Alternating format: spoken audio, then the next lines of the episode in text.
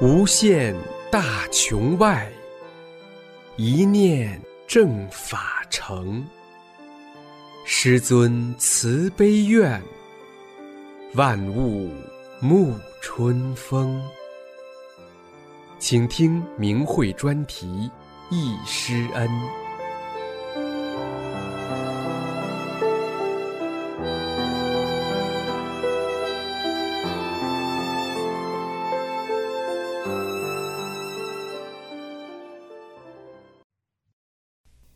请听明慧易师恩专题文章，题目是《易师恩：永久的回忆，精进的动力》，作者锦州大法弟子。文章发表于明慧网，二零零六年十一月十九日。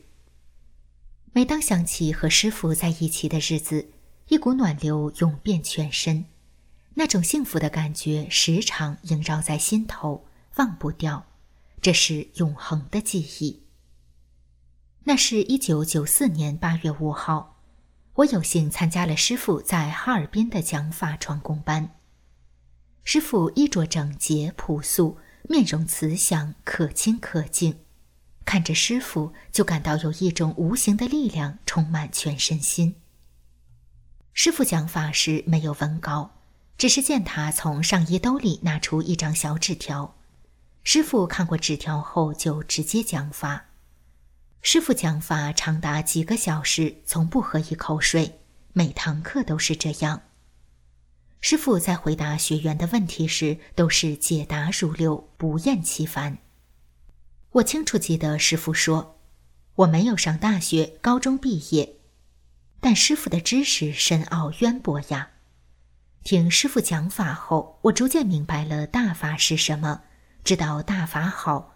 随之，我的人生观也发生了改变，懂得了许许多多过去不懂的法理，思想在法理的开启下升华。那次传法班是在哈尔滨冰球场举行的，师傅走进会场时，挥着手绕全场走一圈，大家心情非常激动。师傅走到西侧时，刷全体起立；走到南侧时，刷全体起立。走到东侧时，还是刷全体起立，秩序井然有序。然后师傅走到讲台前，在台上用圆润祥和的声音告诉大家坐好了，要讲课了。瞬间，只见四千多人的会场一片寂静，一点杂音也没有，都在静静地听老师讲法。这时，只见一个卖茶叶蛋的老太太问。你们这是什么功啊？中央领导来也没有这么大的场啊！你们这功真厉害呀！师傅在讲法中亲自给学员下法轮，让大家把手伸出来放在胸前。师傅问：“手心转不转？”大家都异口同声地说：“转。”说心里话，我当时感觉不灵敏，我是在以后练功中感觉到法轮的旋转的。后来才明白，其实就是在师傅讲法班上，我已经就得到这法轮了。师傅在讲法期间给学员调整身体，让学员起立，像自己一种病；如果没有病，就像自己家里人也可以。因为我自己身体不好，就想一下自己的病灶部位。想完后，师傅让大家跺三次脚再坐下。这时我就一直想上厕所。见师傅已经开始讲法，怕影响秩序，我就一直没有动地方。但后来实在坚持不住了，我就站起来。我坐在前十排座位，正好和师傅是对面。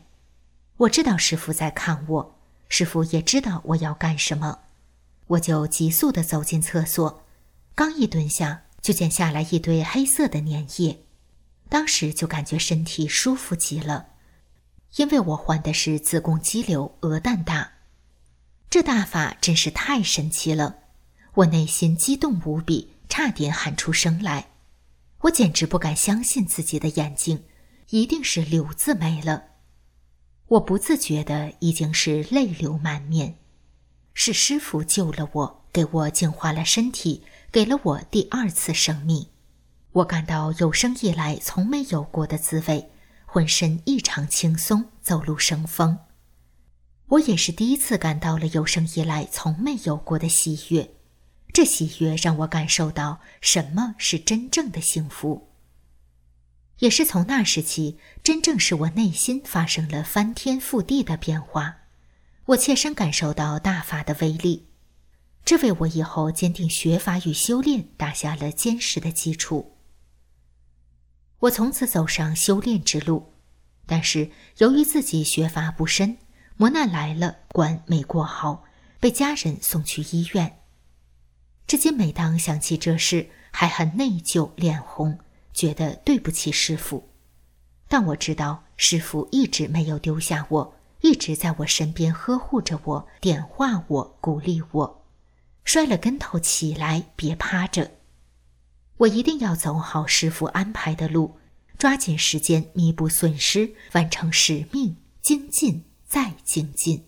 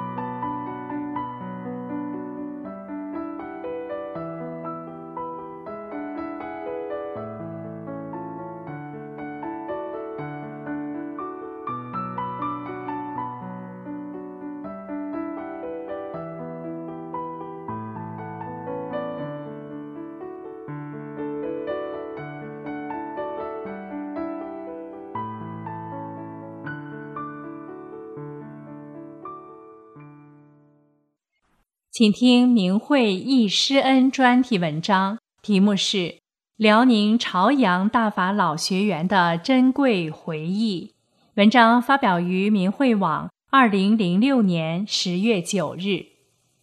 我是辽宁省朝阳市大法老学员，我非常幸运地参加了一九九四年师尊先后在临江、锦州、大连办的三期传功讲法班。能够亲自聆听师傅讲法，并和师傅握手照相，是我这一生最幸福的事了。师傅的威德、大法的神奇，时时刻刻在鼓舞着我。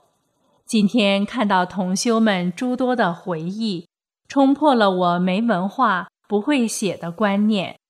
我请同修代笔。把我耳闻目睹的有限的点滴故事讲述出来，献给大家。一九九四年七月二日至七月九日，师傅在大连市机车厂体育馆讲法传功。我和几位同修提前一天到达地点，在就近选了一个旅馆住了下来。旅馆的负责人听说我们是远道而来学大法的。因此，给了我们优惠照顾。旅馆正常收费十五元，只收我们十二元，每天两顿饭免费。可见当时法轮功在中国深受欢迎。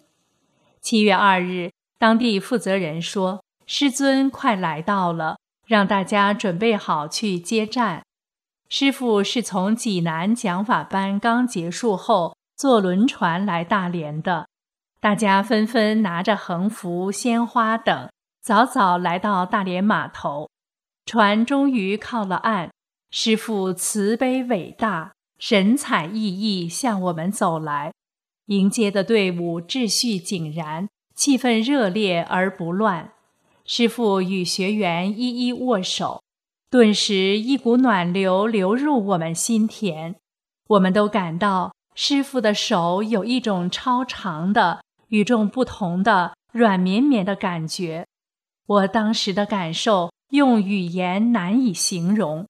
总觉得天地间我们最幸福。我见到师傅了，我们终于找到了师傅。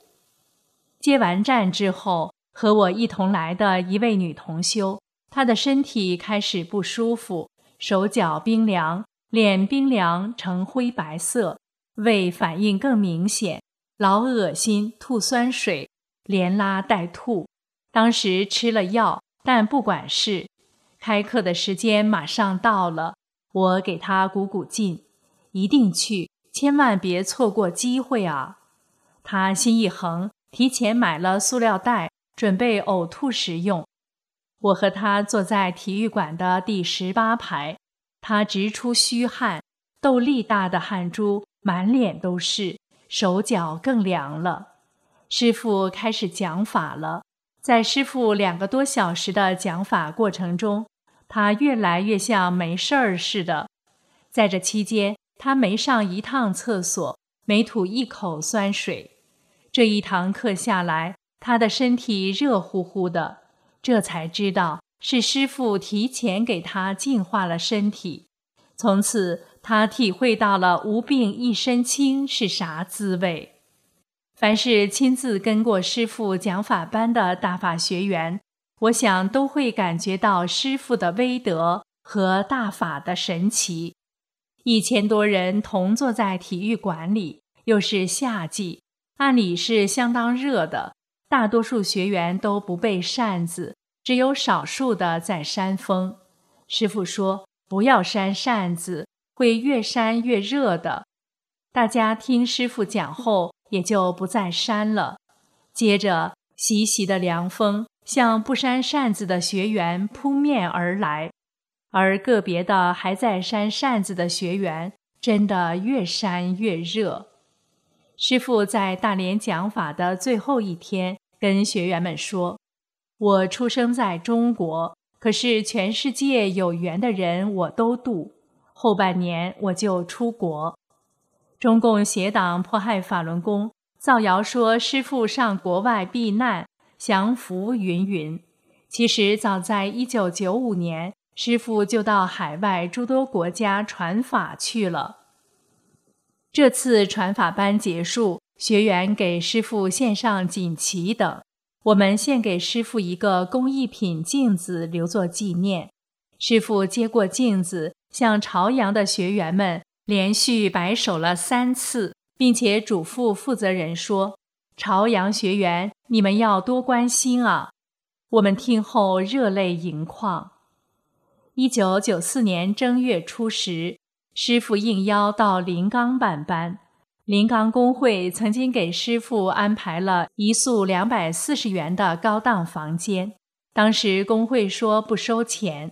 师傅知道后，第二天一早。就亲自如数付了钱，又换了一个收费很低的房间住。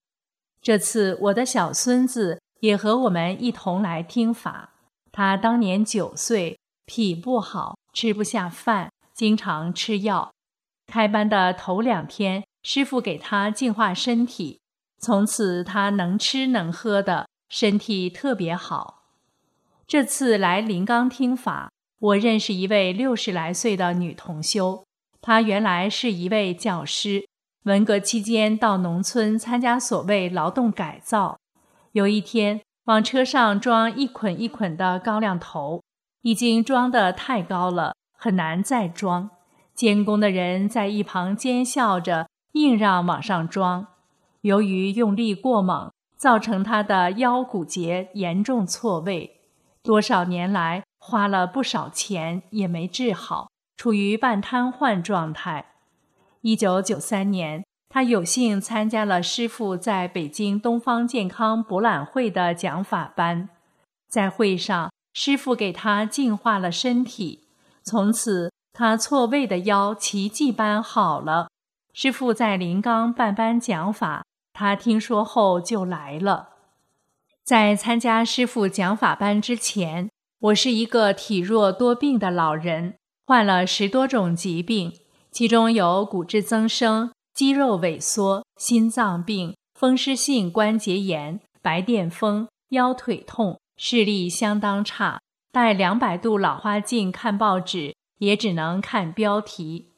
我第一次参加师傅的讲法传功班，眼睛就好了，老花镜也远离了我。其他各种疾病都不翼而飞了。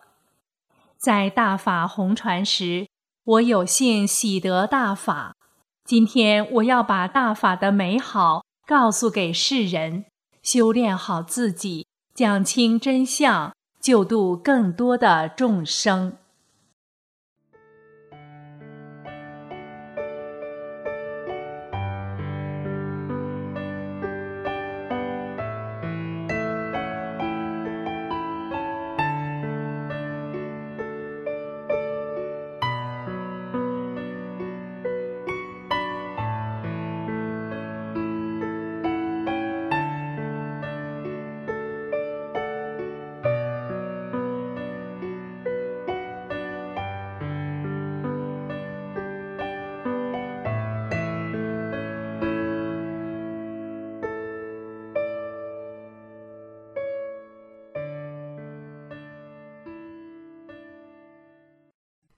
请听明慧义师恩专题文章，回忆参加师尊在延边传法班的点滴。作者：延边大法弟子。文章发表于明慧网，二零零七年八月二十九号。二零零七年八月二十日是伟大的师尊在延边传法十三周年的日子。当时传授班在延吉体育馆，近四千人参加。当时坐在我身后的有一对来自山东的夫妻。带着两个孩子，大的五岁，小的两岁。我当时问他：“你们是怎么来的？”他们讲他们是山东农村的，为了能参加这个班，坐火车硬座过来的。我在参加法轮大法传授班之前，没有参加过其他气功班，对佛道神知之甚少，天目也没有反应。但在传授班上，每当师尊一进来，我就感到光芒四射。师尊高大魁梧，微笑地坐在那里，特别像一尊大佛。师尊每天讲课不用讲稿，就从兜里拿出一张卡片似的纸张看一眼，讲起来出口成章，由浅入深的娓娓道来，就这样把博大精深的法理传给了一个个普普通通的世人。从此以后，这些人的身心发生了巨大的变化。一九九四年八月份，酷暑炎热，延边体育馆是封闭式的。我神奇地发现，慈悲的师尊在讲课当中竟没有喝一口水，讲台上有矿泉水，也没有擦一次汗。我清楚地记得，在场近四千人，年龄有刚满周岁的小孩及七八十岁的老人。师尊讲课时，会场静得地下掉一根针都听得见。我当时十分震撼，只要师尊在场，不用维持秩序，全场立即鸦雀无声。这里在当今中国社会其他任何场合都没有的，这就是大法的场，最正的场，它能抑制一切不好的思想和念头。在最后的答疑解法中，有人提出的问题比较刁钻，我想这不是难为师尊吗？但我们的师尊以大觉者的风范，极其耐心的、认真的解答学员的问题，百问不厌。师尊能讲宇宙中所有的一切，又能把每一句话都印在人的心里，使学员感到师尊为人慈父一般，无人不心服口服。在最后，我第一次看到师尊在台上挥动手臂，转动大法轮，那时我几乎流出泪来。那种光辉、尊贵、威严和伟大，让我无以言表。我的整个心灵、整个生命都被提起来，融进这宇宙的旋转中了。在这次传授班上，还有一件让我难忘的事：师尊在延吉市传授法轮大法期间，恰逢雨季，总是阴雨连绵。但是我们一次也没有被雨淋过。都是什么情况下下雨呢？当在体育馆坐好后，开始讲课时，外面就下起雨来了。当课结束时，外面的雨也停了。当步行到家里时，又开始下起雨来了。在传授班期间，每次下雨都是如此。现在想起来，都觉得不可思议。本来法轮大法传授班收费在全国是最低的，在延吉传授班闭幕式上。师尊当场给延吉红十字协会义捐七千元钱，令所有参加班的学员十分感动。师尊在讲法中经常告诉我们，要做一个好人，比好人更好的人，直至一个完全为了别人活着的人。从这里，师尊的一言一行都在给我们留下最好的典范。八月二十八日，师尊在延吉传法结束，晚间我去火车站送亲戚回上海，在火车站台上巧遇师尊，站台上还有朝鲜族妇女穿着民族服装欢送师尊。我看见师尊离我不远，非常祥和，我十分激动，想给师尊行磕头礼，想给师尊问好请安，霎时大脑一片空白，不知说什么才好。在站台候车的时间里，师尊慈祥微笑，默默无语。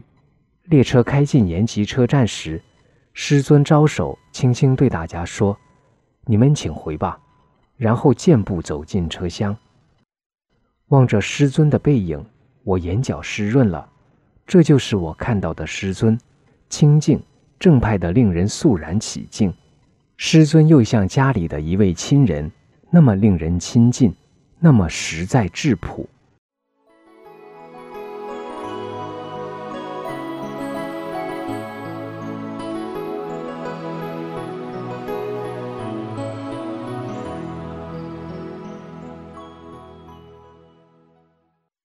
请听易师恩专题文章，题目是《易师恩永不忘怀》，作者贵州大法弟子玉儿。文章发表于明慧网，二零零六年十一月一日。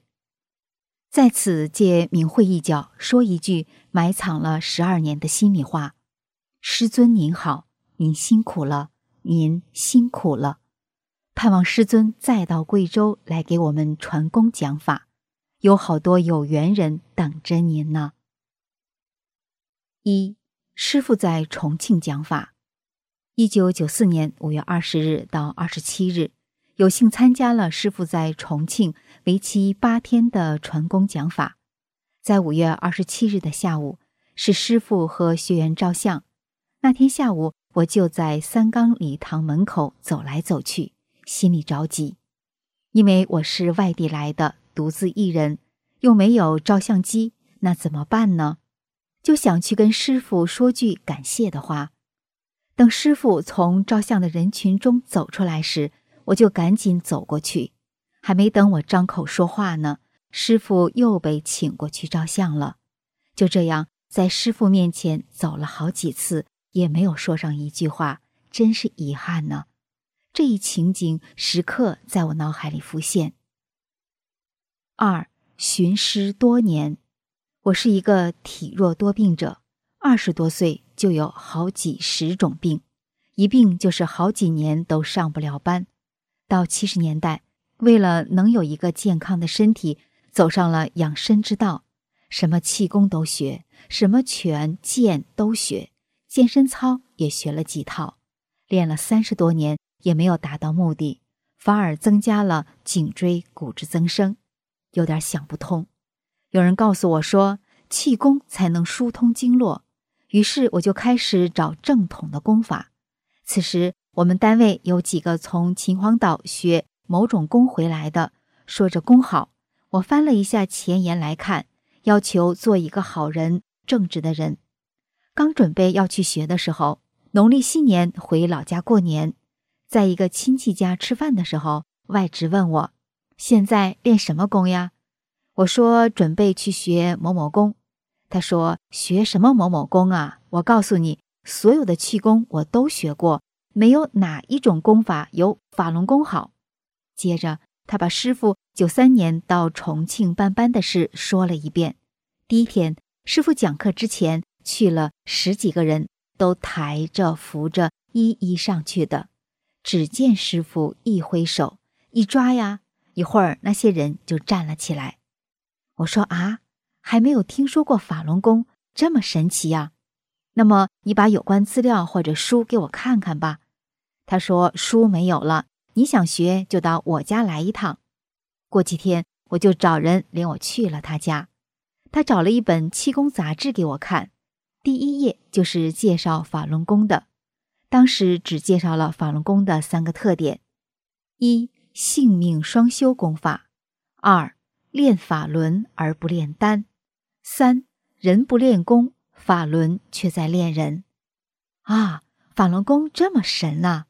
一下子就深深的吸引着我修炼法轮功去了。当晚就教给我五套功法，真是师傅说的五套功法一步到位。可是我自己没有记住，男生教我，我就按男生的动作练了。因为这个原因，在练第三、第五套功法时摆动的很厉害。后来看到书才知道纠正过来。从这一天起，把我以前练的全部扔掉，专练大法了。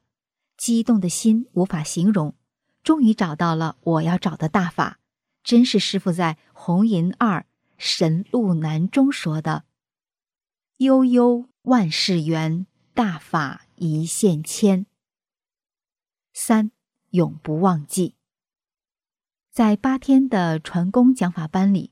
第一天坐在后头看不清师傅，第二天听说重庆学员欢迎外地学员到前三排去坐，想看清楚点师傅，我也跑到前面两排去坐。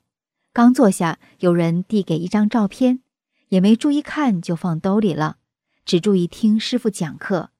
晚上回去已是十点钟了，拿出照片一看不对头。第三天去礼堂准备。去找给照片的人，没找到，拿给老学员一看，老学员说不能要，我赶快就扔了。正在这时，慈悲的师傅走上讲台，就说了那个不好的法门的事。当时我正准备写纸条给师傅问一下的，还没写呢，师傅已经知道了。还有一件事情，就是有一天学员递给师傅一张条子，条子说。有个气功师要见你，师傅把条子往桌子上一放，说：“他敢见我吗？”当时我想，可能就是那个宗教头头，他认为他了不起。后来才知道他是带附体的。当时只觉得师傅真了不起，什么都知道，天上的、地上的，科学家说不清的，师傅全能说清楚。那么更促使我专心聆听师傅讲课。可遗憾的是，四五堂课是连上的，那是星期天，这天就是要睡觉，怎么也排不掉。中间休息时，跑到自来水管去，使劲儿用冷水擦脸也没有用。在上课时还是要睡觉，心里多着急呀！师傅在给我们讲课，自己却睡觉，怎么能对得起师傅呢？既不尊重，又不礼貌。而且又是外地赶来的，带着许多新工友提的问题，没听到多遗憾了。师傅在转法轮法解，在广州讲法答疑中讲，过了这个村就没那个店了。机缘难得呀！师傅又说，有的个别人还会睡觉的。我讲完了，他也睡醒了。为什么呢？因为他脑袋里边有病。得给他调整。啊，原来是这样，师傅讲的我都听进去了。八天课下来，我带去的问题一个也没有提出来，师傅还不怪我，是这样的宽容理解。在八天的学习班里，每天都看到师傅慈悲祥和、微笑的走上讲台，师傅的形象，弟子牢记在心，热泪满面。永不忘怀。四，弟子紧跟师尊走到底，绝不违约。在这几年来，弟子没有走正师尊安排的路，被旧势力、邪恶黑手、烂鬼钻了空子，加紧迫害。我是左一跤，右一跤摔过来的。慈悲宽容的师尊叫弟子摔倒了别趴着，爬起来重新做好就是了。可是我内心惭愧内疚，真是无地自容，无脸见师尊。有一段时间都不敢看师尊的像，眼泪没少流。看明会上同修文章和学习师尊新经文，总感到是指我讲的，也非常的难过而流泪。师尊在红银清醒中说：“大法图抹去泪。”师尊不记弟子过，这几年还一直呵护着弟子走到了今天，何止是这几年？如果没有师傅的呵护，我连来到这个世界的机缘都没有。妈妈给我讲过，真奇怪，刚出生的婴儿，拳头大的头，四尺多长的大枕头放在头上捂了一天，结果没捂死。原因是孩子多了养不起，一生下来就要扔掉。我父亲提了半桶水放在我妈跟前，要我妈把我扔进水里。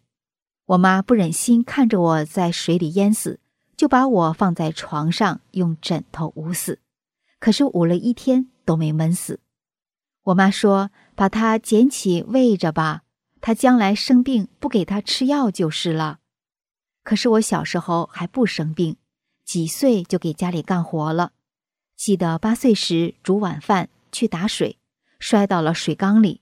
水缸有大半个人身，头在下，脚在上面边上挂着，一动也动不了。那又是来取命的，因为家里没有人，是对门的二娘妈看到了才把我救起来。通过学法后悟到，那时候师傅就在管我了。我的生命是师傅给的，我和大法是有缘分的。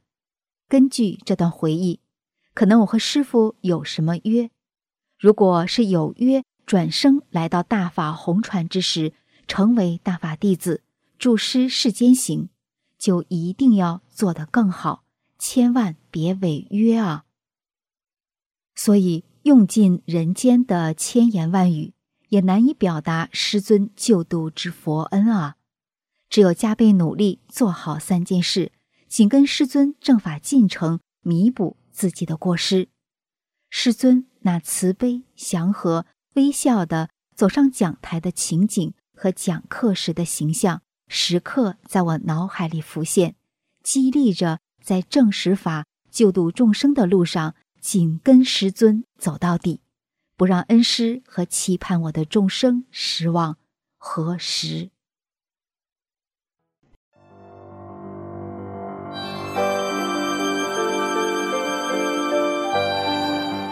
这一期的易师恩就到这里，谢谢收听。